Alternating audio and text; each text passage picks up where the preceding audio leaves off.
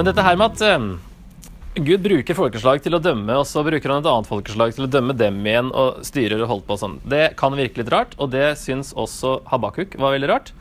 Han eh, stiller spørsmål til Gud om det her. Og um, hvordan Gud liksom gjør ting. Og det her spiller faktisk litt inn på det, det ondes problem. Hvorfor Gud ikke bare stopper ondskapen.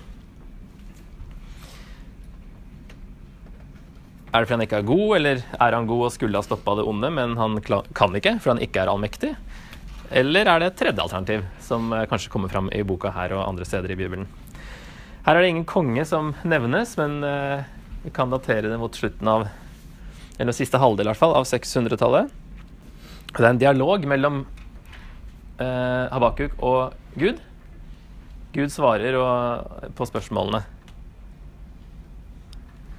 Og så er det en, kapittel tre egentlig en salme, eh, som er Habakuk sin respons på det han nå har skjønt av det Gud har sagt. Bare tre kapitler. Dialog i dag i kapittel 1 og 2, og den salmen i kapittel 3. Habakuk spør hvorfor stopper du ikke ondskapen? I kapittel 1 Gud svarer at babylonerne skal om ikke lenge utføre min dom over ondskapen. Og så sier han da hvordan kan du som er hellig bruke de onde babylonerne til å dømme ditt eget folk, som tross alt er bedre enn babylonerne? Og hvor lenge skal du la dem holde på slik?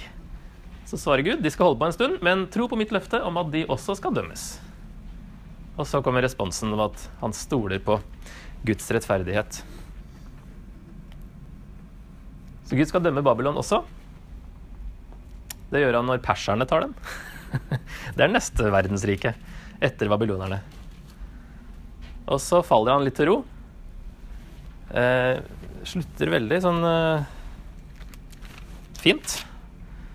Når han sier eh, to, tre siste versene. For fikentreet blomstrer ikke, vinstokken bærer ikke frukt, olivenhøsten slår feil, åkeren gir ikke mat, sauene er borte fra kveen, fjøset er tomt for fe. Det kan jo være alle disse paktsforbannelsene som nevnes i Moseloven.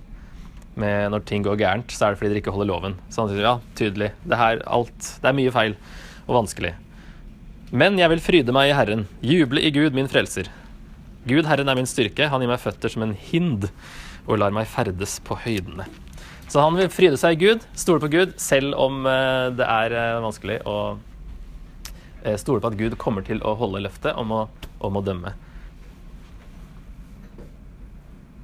Så det tredje alternativet da, på det ondes problem det er at Gud faktisk vet hva han driver med.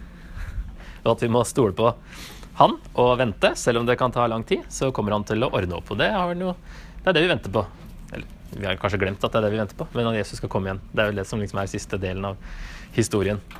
Uh, og da skal alt bli bra. Og da kommer vi også til å skjønne hvorfor han har gjort det på den måten han har gjort det.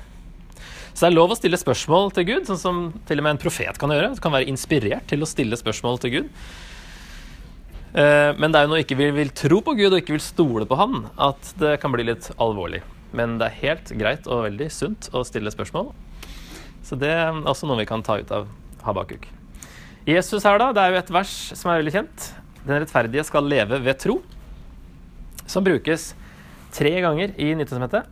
I Romerne 1,17 så bruker Paulus det om at både jøder og hedninger blir frelst ved tro. Eller blir rettferdiggjort ved tro.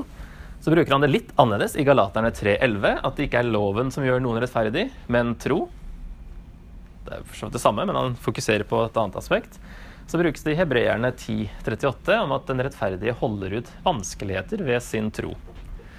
Så det har vært et ganske nyttig vers fra Habakuk, men vi vet kanskje ikke om noe mer enn det verset, som de siterer da eh, i Nytestamentet. Og så får det verset en ny betydning etter at Jesus har kommet, da, når vi vet liksom konkret hva vi skal tro på. Uh, nå er det Jesus som gjelder. Før så var det andre ting Gud kunne måle tro ut fra.